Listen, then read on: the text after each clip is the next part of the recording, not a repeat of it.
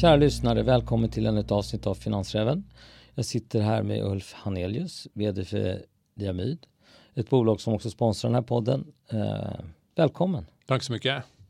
Innan vi kastar in oss in i frågor om bolaget och den nyemission som ni håller på med, vem är Ulf Hanelius? Vem är, vi tar, försöker ta den korta versionen. Jag är, jag är som sagt vd på Diamyd Medical, uh, ursprungligen från Finland, finlandssvensk, flyttade till Sverige för 20 år sedan tror jag det blir nu. Eh, vad jag först gjorde en magistersexamen i biokemi på, i Helsingfors och sen flyttade hit, eh, började disputera på Karolinska institutet. Fortsatte med en eh, postdoc, det vill säga efter att man är färdig filosofidoktor så fortsatte jag forska några år, eh, mest inom molekylärbiologi, cancergenomik och sånt här.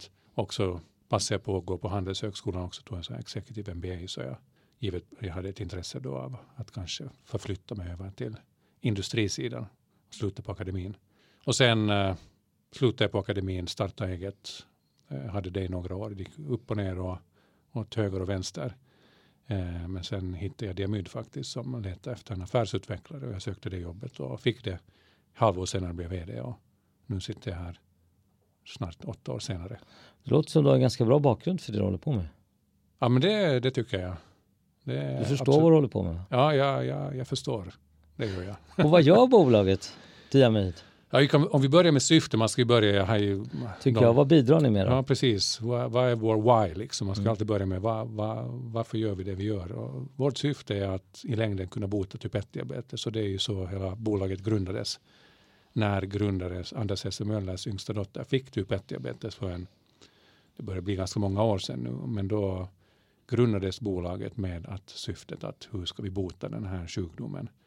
Så det är hela grunden till bolaget och hur vi gör det då är att vi utvecklar läkemedel. Och det är inte bara symptombehandling vi håller på med utan vi vill faktiskt behandla så att man undviker så att man ska få den här symptomen av eh, sjukdomen. Och eh, framförallt då ändra sjukdomen i grunden. Och då har vi en, vill säga, en, en produktkandidat nu i fas 3-klinik, det vill säga sista steget innan kommersialisering som är en sån faktiskt ledande teknologi i hela världen med att kunna ändra sjukdomen i grunden. Vi kommer vidare till, jag måste få veta hur det gått för hans dotter.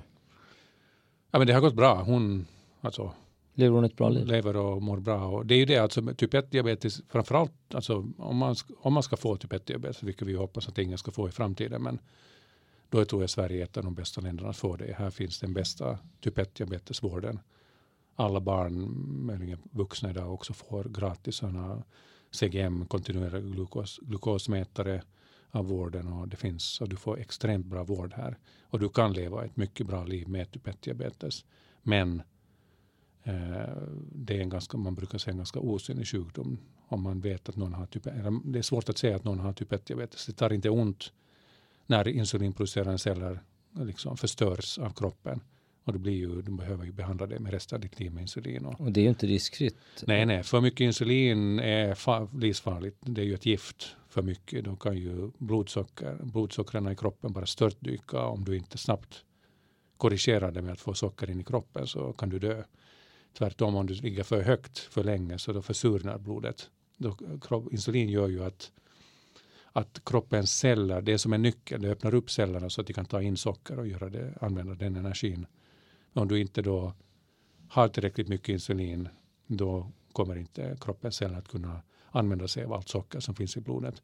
Och då börjar man använda sig av annat i kroppen. Man börjar bränna fett och det blir sådana här ketoner av det. För mycket sånt så då försurnar blodet. Och det är också ett livsfarligt tillstånd, diabeteskoma, som du kan dö i ganska akut om det inte korrigeras också. Så det är, det är som en komplicerad ekvation dag och natt som du lever med för resten av ditt liv. Och trots alla hjälpmedel som finns idag och kortverkande insuliner och långverkande insuliner så, så kommer du aldrig att kunna justera dina blodsocker på samma sätt som kroppen gör. Så du kommer oberoende att kunna ha en hög risk för alla de här komplikationerna av sjukdomen. Hur kroppen tar stryk när du ofta ligger lite för högt i blodsocker. Vad kommer hända om ni klarar fas 3? För de har ändå kommit rätt långt, typ. eller hur? Då är det, ja, vad, vad, kommer det betyda för patienten? För patienterna då, givet då lyckad fas 3 och att vi går till marknad, så då kommer det att komma en ny, helt ny typ av behandling ut på marknaden som vi tror att blir en grundpelare i hur man ska behandla typ 1-diabetes. Både då om du har fått sjukdomen att kunna behandla kort efter att du har fått diagnosen. Men även siktar vi på att kunna börja behandla preventivt, det vill säga innan du har fått diagnosen typ 1, att kunna preventivt behandla, förhindra eller fördröja tiden till diagnosen tror jag att det kommer att finnas många kombinationsbehandlingar också i framtiden. Var vårt läkemedel kombineras med andra läkemedel för att faktiskt börja uppnå det här potentiella hundraprocentigt bot av sjukdomen, vart vi alla vill nu uppnå. Och för patienten framförallt det som vi ser i våra kliniska studier som är i det stora hela ganska korta, även om de tar en lång stund tid så följer man ju upp patienter, brukar man följa i ett till två år. Och där ser vi att förutom att vi bevarar den egna insulinproduktionen signifikant mer än för de som får placebo, icke-aktiv då läkemedel, så får du även en bättre kontroll över din sjukdom. Man ser bättre blodsockerkontroll. Du spenderar mer tid i det här optimala området med blodsocker, mindre tid i för högt blodsocker, mindre svängningar i blodsocker. Och vilket i sig betyder att du har en enklare sjukdom och du kommer högst unga få betydligt färre komplikationer i framtiden. Det låter ju bra. Vad, vad är sannolikheten för att det här blir verklighet? Precis, det, vi, är, eh, vi är inte helt opartiska i målet men vi har varit fast 3 tidigare och man brukar säga och då lyckades vi inte. Och nu vet vi, har vi gjort vår hemläxa och vet varför vi troligen kommer att lyckas den här gången. En fast 3-studie överlag när man utvecklar läkemedel oberoende vilken sjukdom du är inne i, vilken typ av teknologi du utvecklar, brukar man säga att det är ungefär en 60 procents sannolikhet när du är i fas 3 att komma hela vägen till marknad, att lyckas kommersiellt. Nu har vi en gång varit i fas 3, vi misslyckades, vi har gjort om, gjort rätt. Så jag menar att vi har en betydligt, betydligt högre sannolikhet än en vanlig, vilken som helst fas 3 idag att kunna mm. lyckas. Så jag säger att det är en ganska hög sannolikhet mm. att vi mm. kommer att lyckas nu. Spännande. Det är det. När vet man? När får man veta? Topplanresultaten givet då att allting går enligt plan förväntas andra halvan av 2026. Så det är en lång studie som har om det nu blir så att inte de 60 procenten infaller utan den 40 procenten kommer in. Eh, får ni, kan ni göra ytterligare en justering då? Alltså givet, då, då kommer vi att se resultaten om vi då antagandet att vi inte nådde hela vägen fram den här gången eh, heller. Vi kommer att sitta på en massa ännu mera data då. Eh, då skulle jag säga det stora problemet blir ju dels, alltså om det finns en tydlig rational kan man absolut göra en förändring och gå vidare och göra en till studie. Vi som bolag såklart eh, behöver ju kunna ha det mandatet då från investerarna att efter att ha gjort en till fast trea som då inte når hela vägen fram får vi mandatet av investerarna att göra det. Det kan ju hända att någon annan väljer att göra det. Framförallt om man ser att det är, som vi vet, att det är jättesäkert och det finns en tydlig effekt där, men att det krävs en tilljustering. Nu tror vi ju inte att det ska behövas det, utan vi har gjort den stora justeringen, vilket handlar om att välja ut rätt patienter som ska behandlas och allt handlar om genetiken som det ser ut. Förra gången hade hälften fel genetisk profil, hälften hade rätt. Men när du slår ihop grupperna så blir snittet inte tillräckligt bra att se signifikans. Okay. Nu har vi endast rätt grupp. Det låter ju som du har ganska goda möjligheter att lyckas. Kanske, ja, bättre, det, kanske bättre än de 60. Ja, absolut, alltså jag menar ju att vi är 80-90. Man kan aldrig vara 100% säker Nej. för det, det, det, ska man aldrig med någonting. Men, och det här är ju biologi och det är komplext. Men vi, vi ser ju i alla våra data, alla våra analyser att det är den här gruppen med rätt genetik. Där verkar effekten Så ni, ni kan ha lite previews? Previews i pågående studie egentligen inte. Det finns ju en interimsanalys, det vill säga en, en avstämning, men den är, som, den är blindad. Vi kan inte liksom egentligen uttala sig som den nu är designad om någon effekt egentligen. Okay. Och det brukar man inte göra i fast review för att det är just det sista du gör innan marknad och då har du låst fast din hypotes. Det är liksom nu bestämde det här är hypotesen, det testar vi. Att börja ändra över tid och titta på data, det kan påverka okay. patienter, det kan påverka läkare i studien och det gillar, hatar myndigheter, alltså de gillar verkligen inte det. Och det kan bara förstöra allting. Så man ska extremt försiktig om man gör någonting sånt. Men vi mm. bevakar ju det och, och ser möjligheterna, för vi ser såklart värdet i att kunna få en förhandstitt såklart också. Och nu ska ni dra in pengar. Hur mycket ska ni dra in? Just den emissionen som nu pågår är på ungefär 150 miljoner kronor. Det är då givet att den blir fulltecknad. Eh, själva emissionsstrukturen som har följt oss har ju det erbjudande som vi gick ut med här för ett par veckor sedan, det var 24 maj, har ju lite ändrats under tiden så det har blivit lite stökigt och turbulent. Ja, det har varit lite turer. Eh, vad, vad kan du kort beskriva? Ursprungliga erbjudandet det var ju ganska, egentligen mycket straightforward. Att du kan få teckna nya aktier till aktiekursen 850 och sen med, att, med dina teckningsrätter alltså, eller nya aktierna får du även rätt till uh, teckningsoptioner. Och givet att då bolagsordningen behöver ändras för att kunna täcka in även de här teckningsoptionerna så kallar vi även till en stämma då som ska vara 26 juni. Men just den strukturen när det var kan man säga villkor att en bolagsstämma som röstar igenom då bolags, en ny bolagsordning. Så det stötte vi på patrull. Eh, inte så att man inte får göra så men det är, man kan säga att det är ett, ett nytt sätt, en, en ny struktur även om det på pappret ser mycket enkel ut. Och då skulle det troligen ha behövts mera tid från Finansinspektionen att verkligen titta på det och se att går det att göra så här. Och den tiden hade vi inte så då ändrade vi dels då sa okej okay, men det blir två separata emissioner. Vi gör först det här bara med eh, teckningsrätter, sen har vi vår bolagsstämma och sen ger vi ut teckningsoptioner till de som har varit med i den tidigare emissionen. Men det var inte heller tillåtet. Man får inte finnas en koppling. Så då plockades teckningsoptionerna totalt bort. Stämman ska vi oberoende ha för att öka bolagsordningen och sånt här. Men nu är det helt enkelt renodlat med bara en vanlig aktieemission utan teckningsoptioner. Eh, Sen har den varit garanterad till 70-71 procent.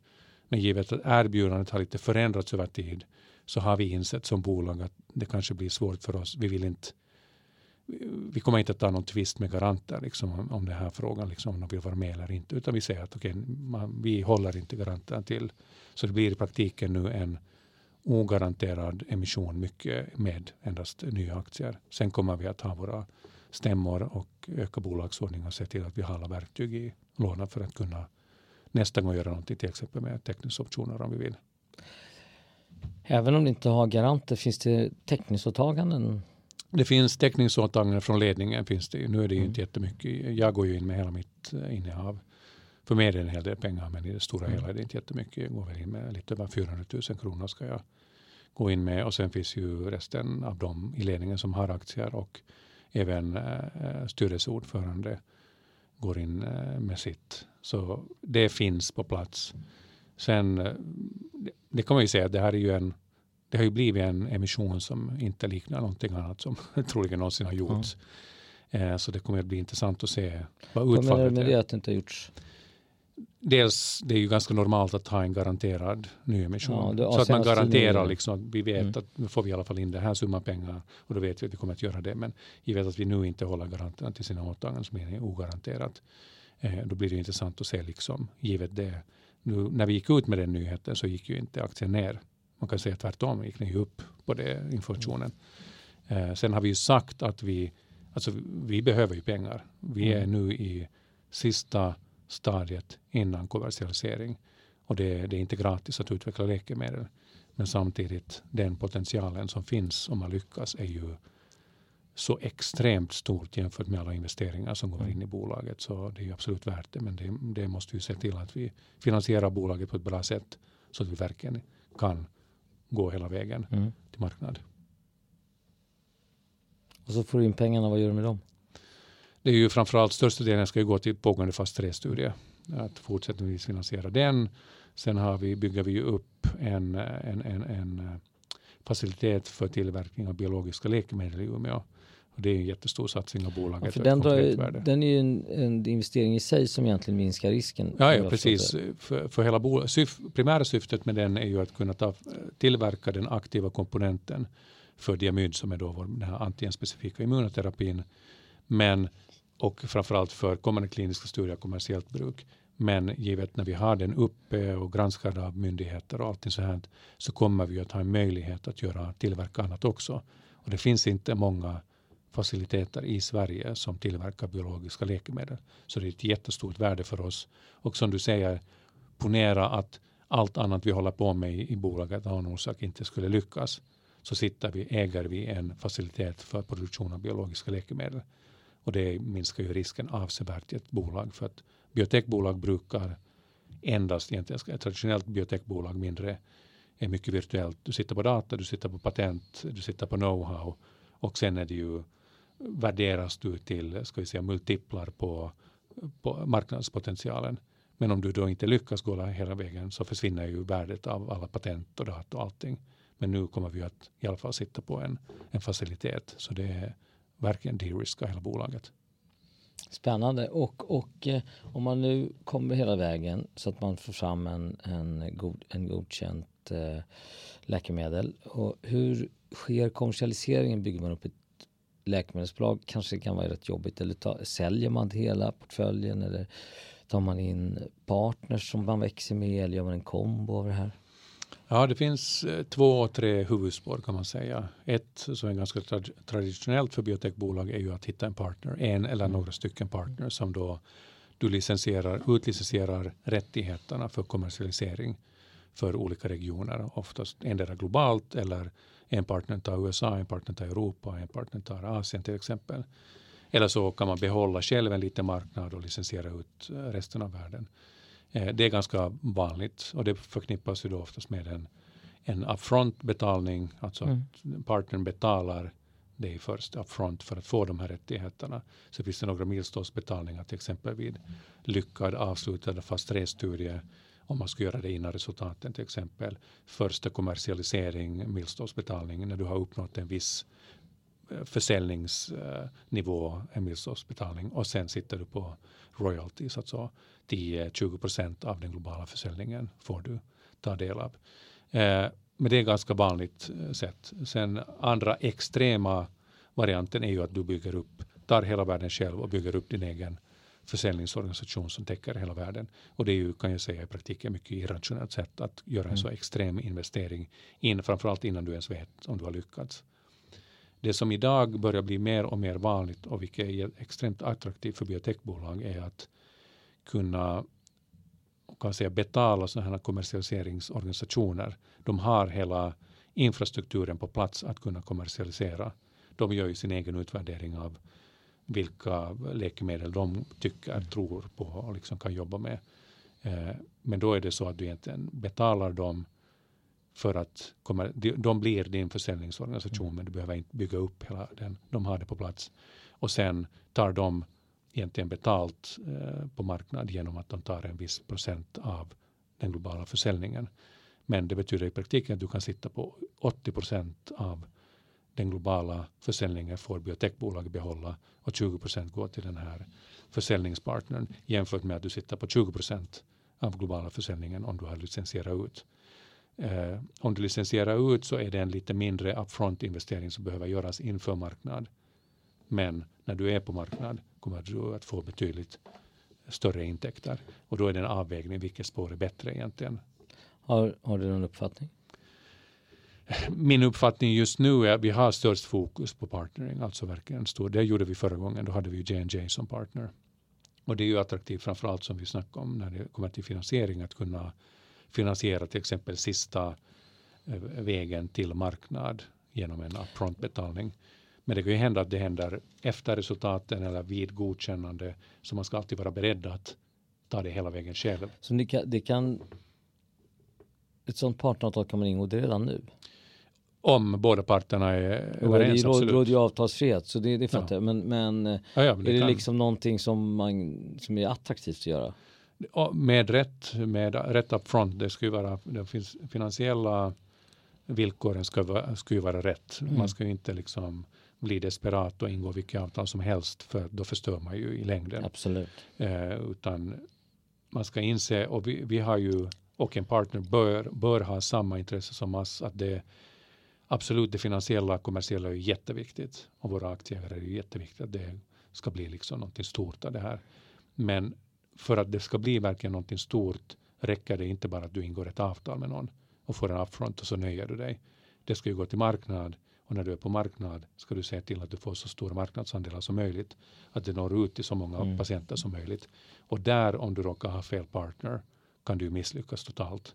Att de bara inte har riktigt samma driv som du eller de har inte den kompetensen.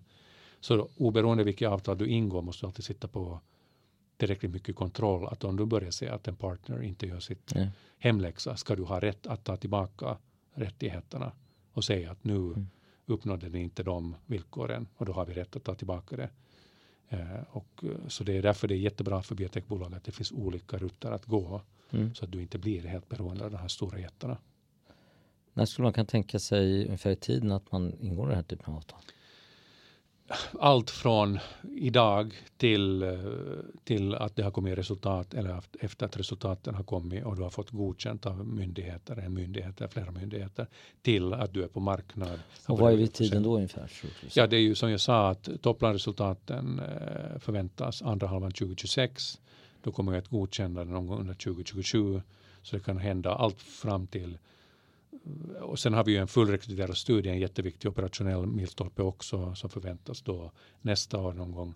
Så det finns ju de här, om inte annat är det de här tydliga milstolparna som man kan se fram emot som är alltid värdeökande aktiviteter i bolaget och vilket minskar risken för partner mm. och de inser att de behöver investera mindre också. Så allt, men då ökar, då måste de egentligen gå in med mera pengar varje gång. Men minska, risken minskar för dem desto längre vi tar mm. det.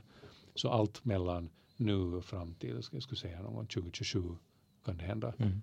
Om vi då väljer att göra en partnerskap. Och under tiden kan det ju, som jag också du var inne på, kan vi bli uppköpta. Och det har ju skett eh, nyligen då innan typ 1 att ett bolag som fick godkänt slutet förra året, först gick, ingick de ett optionsavtal med Sanofi en månad innan FDA gav godkännande. Sen nu, bara några månader sen, blev de uppköpta av Sanofi, hela bolaget, för 3 miljarder dollar. Så det är ju också en potentiell mycket möjlig rutt för oss också att gå. Mm. Spännande. Det är det. Det är jättespännande. Har du någon uppfattning om hur själva emissionen går? Faktiskt just nu nej, för det är ju, måste man ju säga, det här är ju... Det är svårt att veta innan de sista dagarna egentligen. Ja, det är det och nu är det ju i princip en ogaranterad eh, nyemission, vilket är ju är ganska ovanligt. Eh, Eh, det finns ett stort intresse i bolaget, det vet jag ju. Jag vet att det är många aktieägare och det förstår jag också som ju inte är nöjda med alla de turerna som har varit nu. Det har ju blivit turbulent och mycket skriverier. Jag får mycket eh, mail. Jag kan inte svara på de flesta men jag läser ju det mesta för jag förstår. Och jag har ju samma frustration för jag har ju satt en hel del investerat i Diamyd också. Och, och jag brukar ju säga att vårt, min uppgift är ju att se till att det går så bra som möjligt för aktieägarna. Det är ju vår uppgift när man gör en emission så brukar det bolagets operationella verksamhet och aktien börja leva separata liv en mm. viss tid. Sen kom, bör de komma tillsammans, när allting har landat sig och dammet har lagt sig, så kommer de att mötas igen. Eh, för ingenting annat har ju ändrats i bolaget. Eh, vi går ju framåt verkligen. Det ser mycket bra ut, men jag kan ju förstå frustrationen eh, under sådana här perioder och det har blivit lite stökigt med hur erbjudandet har förändrats. Mm. Men vi får ju se, vi, vi får utfallet här, eh, vad blir det, 27 juni borde vi få preliminärt, 28 det kommer väl det slutliga utfallet. Oberoende det så kommer vi att se till att vi ökar bolagsordningen och har möjligheten att göra eh, kommande emissioner om det blir det liksom på ett sätt som man är van att göra liksom, så att det inte blir så den här mm. gången. Eh, och, och, men, men pengar behöver vi och emission är ju ett sätt att göra det. Partnerskap, andra, vi har ju JRF också som vi har ingått partnerskap nyligen som är så här icke utspelande 50 eh, miljoner kronor vi får från dem också för att eh, stödja upp vår fas 3 och allt annat som GRF som är USAs största patientorganisation vad det betyder att ha dem på vår sida. Vad det innebär värdemässigt. Men, men, men det, jag försöker aldrig dölja att vi inte behöver, liksom, jag tror inte man ska vara rädd som biotekbolag om att tala om det, utan det mm. behövs och det är viktigt. Och det du kommer att tjäna i längden är extremt stort, mycket pengar. En fråga som jag egentligen borde ställt tidigare, som jag ställer nu idag. Eh, hur ser eh, konkurrenssituationen ut? Är det någon, några andra biotechbolag som är inne i det här eh, spacet som ni är? Mm, det är det. Så ena är det amerikanska bolaget som nu blev uppköpt av Sanofi. De är ju en konkurrent, eller en kollega hur man ska säga. Annan typ av teknologi än oss, men egentligen med samma syfte, liksom att kunna bevara den egna insulinproduktionen, att kunna behandla preventivt Eh, det är en betydligt tyngre behandling, två veckor på sjuk, sjukhus och bieffekter och allt möjligt jämfört med oss som då tre injektioner endast eh, blir inte inlagd på sjukhus. Vad bieffekter? Alltså bieffekter, det vi ser är ju att du får en irritation kring själva injektionsstället som är med vilken injektion som helst mm. egentligen. Vi har aldrig sett några allvarliga bieffekter kopplade till vår, eh, vår behandling. Och det är ju framförallt för att vi Vi programmerar om kroppens immunsystem endast gällande en enda komponent. Vi rör ingenting annat i kroppen. Så vi trycker inte ner och dämpar inte immunsystemet. Vi blockerar inte signalrutter eller någonting sånt här. Och det är därför vi har en så pass fin bieffektsprofil kan jag säga. Och det är jätteviktigt för oss. Det är ju en stor faktor som differentierar oss från mängden. Och så finns det ju andra bolag som har liknande approach som oss, som oss men de har inte kommit lika långt. De är i fast två skulle jag säga. Och en annan aktiv komponent. Vi har egentligen patent på vår aktiva komponent. Eh, och så finns det ju ett större biotekbolag i USA som håller på med så här, mera cellterapi, men då att man försöker uh, göra stamceller till insulinproducerande celler, spruta in dem i kroppen så att du skulle kunna få ett funktionellt bot i individer som inte har någon egen insulinproduktion längre. Spruta in insulinproduktion, mm. celler, sen vill man att de ska överleva i kroppen, vilket idag inte är så lätt. Det är på gång också. De kommer säkert, någon av dem kommer att lyckas också. Men vi har en helt annan typ av teknologi som jag tror framförallt preventivt att gå in i friska barn och fördröja eller förhindra att de någonsin insjuknar. Det är ju i framtiden tror jag var, givet allt annat som pågår inom fältet, är det där vår typ av teknologi mm. har en jättestor möjlighet. Och det jag vill faktiskt säga nu, det bara hände häromdagen, tror jag, igår eller förrgår, är att nu har Italien som första land i Europa rullat ut att man nu börjar screena eh, barn för risken för typ 1-diabetes och celiaki, för de har mycket starkt ihop rent genetiskt. Eh, så nu börjar de här screeningprogrammen komma att du kan faktiskt en gång per år, vartannat år, mm. ta ett blodprov och se har du risk att insjukna, hur har du progresserat mm. och då kan man ju börja behandla preventivt också de här friska barnen. Så det är på gång också det här med preventiv behandling nu på riktigt. Det låter som ni har en ganska bra situation konkurrensmässigt om ni levererar. Absolut, alltså om, ja, men det, den, är, den är utan att, alltså den är jättebra situation. Givet att vi lyckas då mm. är, vi, är vi ju vi är först Du sa ju 80-90 procent så det är ganska bra odds. Ja det är det. Man, man vet ju aldrig. Det är ju vad jag, man vet bara 60 procent enligt statistiskt är fast tre år rent generellt. Mm. Basen av alla historiska fast tre år som har gjorts inom alla sjukdomar. Eh, men givet då att vi nu väljer ut en genetisk subgrupp på basis av massanalyser och kliniska studier att vi vet att vi väljer ut rätt patienter den här gången så bör ju rent krasst 60 procenten öka ganska ordentligt. Mm. Och vi misslyckas inte på säkerhet.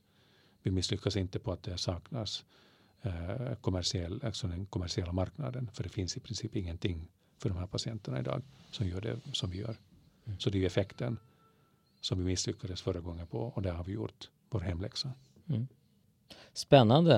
Eh, det börjar bli dags att runda av. Mm. Känner du att det är någonting som du hade hoppats att jag skulle fråga som du ändå vill få ut så kan du säga det nu.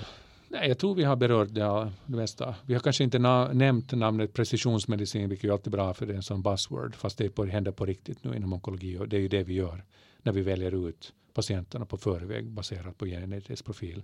Det är liksom hela... Och fördelen med det är att man adresserar precis det som, som är det man vill åtgärda. Precis, man behandlar rätt patient vid rätt tidpunkt med rätt läkemedel istället för att behandla brett och så är det 30 procent får effekt, 70 procent får alla bieffekterna och ingen. Ja, och då slipper du massa bieffekter. Precis, och, och, och samhället ja. behöver inte betala för de här 70 procenten som bara får bieffekter. Och patienterna har möjlighet att behandlas du ska inte i onödan gå på en behandling som du vet på förhand att du inte får effekt av. Mm. Utan du ska få någonting annat. Så det tror jag är ett stort, alltså det är hur läkemedelsindustrin i framtiden och hälsovården kommer att fungera. Mm. Du kommer att veta vem som ska behandlas och med vad istället för att bara brett behandla alla. Tack snälla Ulf för att du tog dig tid. Tusen tack för och, att jag fick vara här. Vi hoppas verkligen att ni lyckas för att det är många människor som skulle må bättre av det. Absolut, det, det är det. Så det är inte bara en finansiell investering, det kan bli en investering i i välmående för andra människor. Precis. Och det är inte fel tycker jag. Det nej, är snarare tvärtom. Väldigt nej, attraktivt. men det är det om vi går tillbaka med vad jag kanske sa helt i början. Det här med vad är hela syftet? Mm. Och jag tror att om man har ett tydligt syfte det tror jag att man har betydligt högre sannolikhet att lyckas mm. också mm. den gången. Både som individ, jag tror att alla bör, vi bör hitta mm. vårt syfte i livet. Vad är det vi egentligen håller på med? Vad är syftet?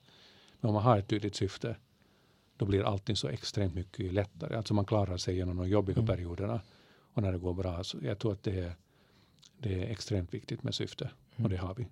Okej. Okay. förutom det här så hoppas vi att du får en fin sommar också. Detsamma. Tack så Ja. mycket. Tack! Tack.